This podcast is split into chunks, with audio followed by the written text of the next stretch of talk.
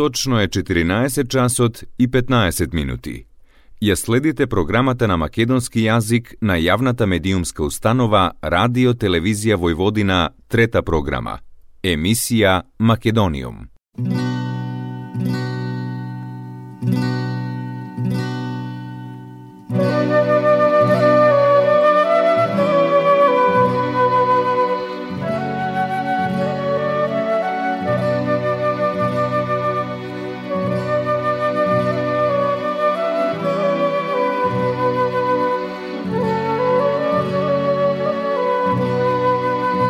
Македониум.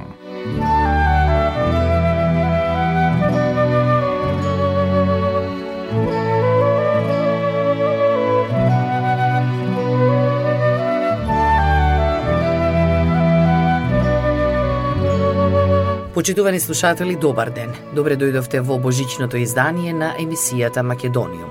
Поздрав до сите вас од вашиот уредник и водител Јулијана Милутиновиќ. Честит Божиќ на сите православни христијани кои не слушаат денеска на третата програма на радиото при Радио Телевизија Војводина.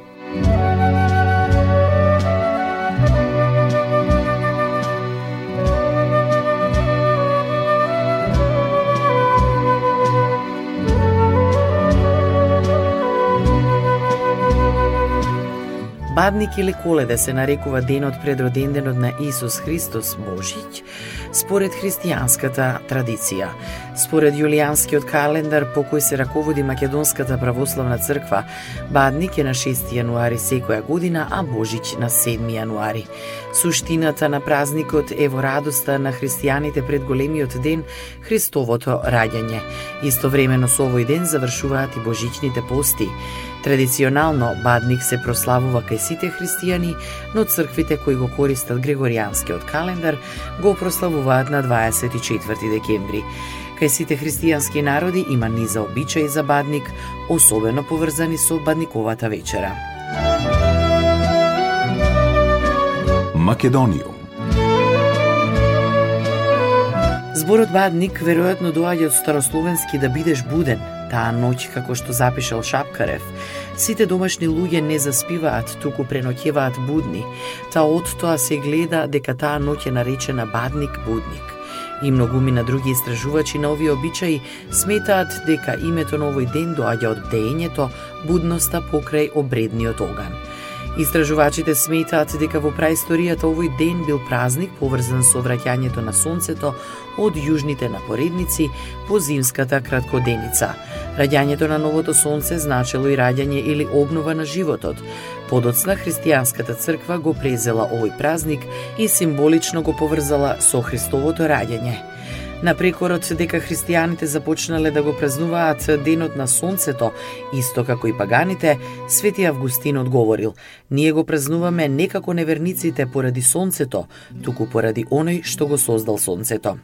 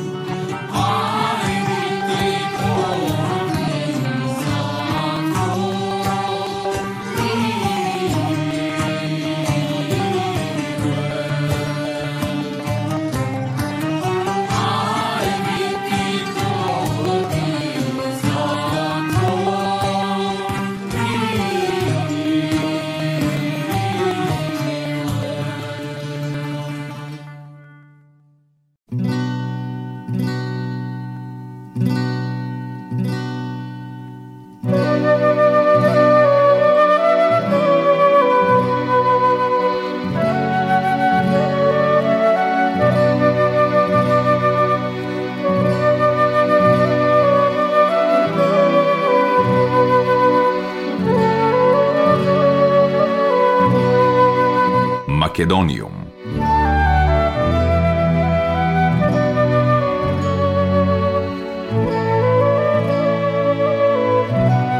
Во Македонија традиционално семејството се собира на вечера на бадник, се подготвува богата трпеза, исклучително со постна храна, питулици, сарма, граф, компир, риба, зелник, овошје и друго, што треба да обезбеди богат род на земјоделските култури во следната година. Обичај е по вечерата софрата да не се крива, туку така заедно со храната да остане цела ноќ. Ова е поврзано со верувањето дека ноќта ќе дојде дедо Божи и ќе се нахрани или во некои места духовите на мртвите. На бадник во секоја куќа се меси кравајче, пита или погача, во која се става пара. Вечерта кога сите ќе седнат на вечера, домакинот откако ќе се прекрсти и ќе благослови трпезата, го крши кравајчето на толку делови колку што има членови семејството, оставајќи уште дел за Бога и за куќата. Сите присутни во својот дел од кравајчето ја бараат парата и оне што ќе ја најде се смета за најсреќниот во годината што предстои. Богати обичаи и верувања на бадник се поврзани со обредниот оган, како и со горењето на дрвото наречено бадник или бадникојца. Во врска со обредните коледарски огнови е и обичајот коледица. И денес, како и во минатото и во селата и во градовите во сите краишта на Македонија, помали или поголеми групи деца палат огон и го прескокнуваат. Рано изутрината на Бадник, децата пеат и одат по куќите, каде што добиваат подароци како што се пари, ореви, костени, јаболка, портокали и друго. Една од најпеаните песни, што и сега се пее во овие случаи, е Коледе леде.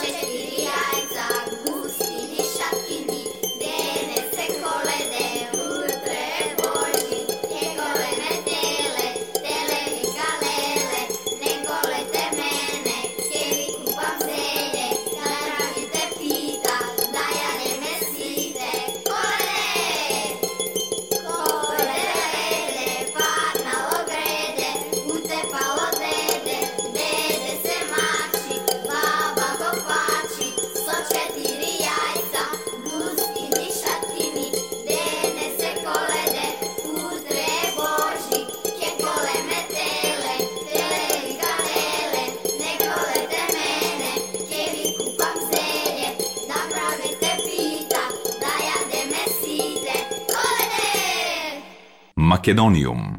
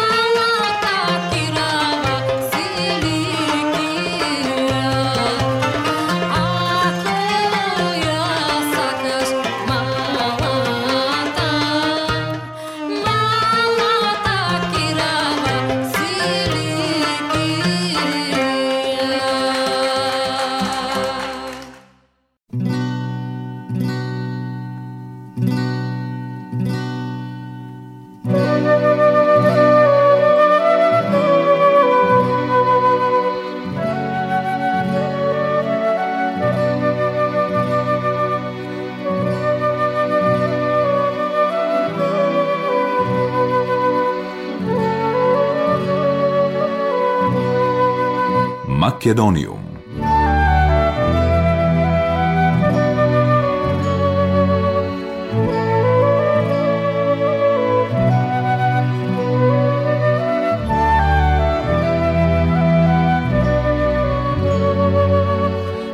Меѓу 12 големи христијански празници Божиќ се празнува несвечено. На овој ден се празнува раѓањето на Господи Исус Христос, второто лице од Светата Тројца. Обичаите што се изведуваат на Бадник и Божиќ се разликуваат од регион до регион, па дури и од село до село. Но она што е заедничко секако се богатата софра што се подготвува за Бадник навечер, коледниот оган и бадниковото дрво, како и коледарските песни. За Бадник трпезата секогаш е посна, но исклучително богата, посна сарма, граф, компир, риба, зелник, овошје и слично. Пред да започнат домашните да вечераат, домаќинот го отворал прозорецот и го поканувал Господ на вечера со зборовите. Повелиде до Боже да вечераме. Во некои места софрата се изнесувала во дворот и од тука се упатувала поканата кон Господ. Обичај е по вечерата софрата да не се крева. Храната останува цела ноќ, а во некои места така останува во текот на трите дена, додека се празнува Божиќ. Ова е поврзано со верувањето дека ноќта ќе дојде Господ и ќе се нахрани. На бадник во секоја куќа се меси обредно лепче со пара, познато како кравајче, во кое се става сребрена пара. Кога ќе седнат сите на вечера домакинот, откако ќе се прекрсти и ќе благослови трпезата, го крши кравајчето на толку делови колку што има членови семејството, оставајќи уште дел за Бога и за куќата. Сите присутни во својот дел од кравајчето ја бараат парата и они што ќе ја најде ја става во чаша со вино од која сите пијат за здравје и среќа. Но оној што ќе му падне парата се верува дека годината ќе му донесе многу среќа, радост, успех и богатство. Со Божиќ е поврзана и поговорката пред Божиќ зад Божиќ кај да си дома да си, што има двојно значење. За време на големиот празник треба да се биде во кругот на семејството и тука да се слушне и да се прослави радосната вест за раѓањето на Спасителот, но не е на одмет да се подсети дека во најстудениот период од годината сепак непријатно и најбезбедно е во собствениот дом. На Божиќ се оди во црква и се врши причестување со земање нафора и вино, кои го символизираат Исусовото тело и Исусовата крв.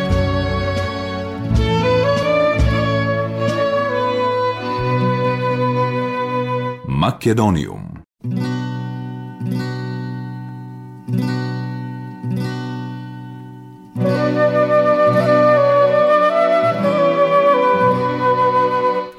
По овој чин, луѓето смеат да се омрсат. Се подготвува богата софра на која скоро задолжително било свинското месо. На денот на Христовото раѓање, по одењето во црква, луѓето се веселат, играат и пеат сред село. Божик, според црковниот календар, се празнува три дена. Вториот ден е соборот на Света Богородица, а третиот е Свети Стефан Првомаченик. Кога доаѓа големиот празник Божик, си го честитаме со зборовите Христос се роди, на вистина се роди. Божик е секогаш на 7 јануари и со овој ден завршуваат божичните пости. На Божик се прославува раѓањето на Спасителот, на оној кој е роден за да донесе мир, љубов и сплотување кај луѓето, оној кој има за задача да ги извади луѓето од мракот и да им го покаже патот кон небесната светлина, кон вистинските духовни вредности, Божик се празнува со мрсна трпеза, музика и забава. Поминете ги божикните празници со своите најблиски, дарувајте љубов, среќа и насмевки.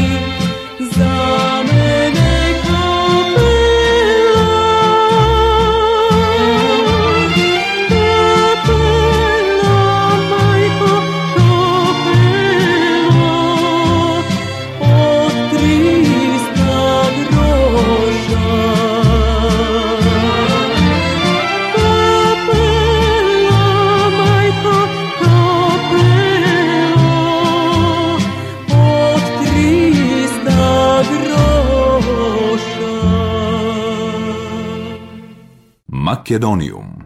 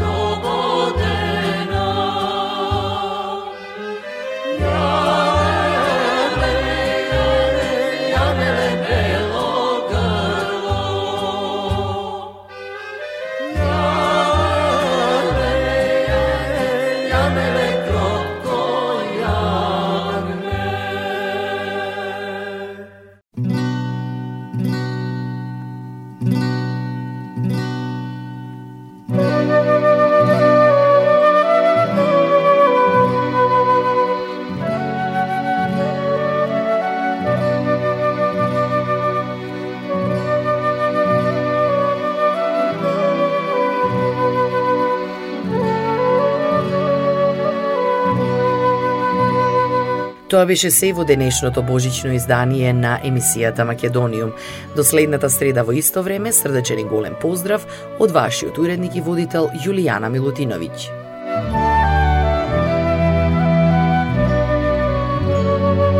Ја следевте програмата на македонски јазик, емисија Македониум.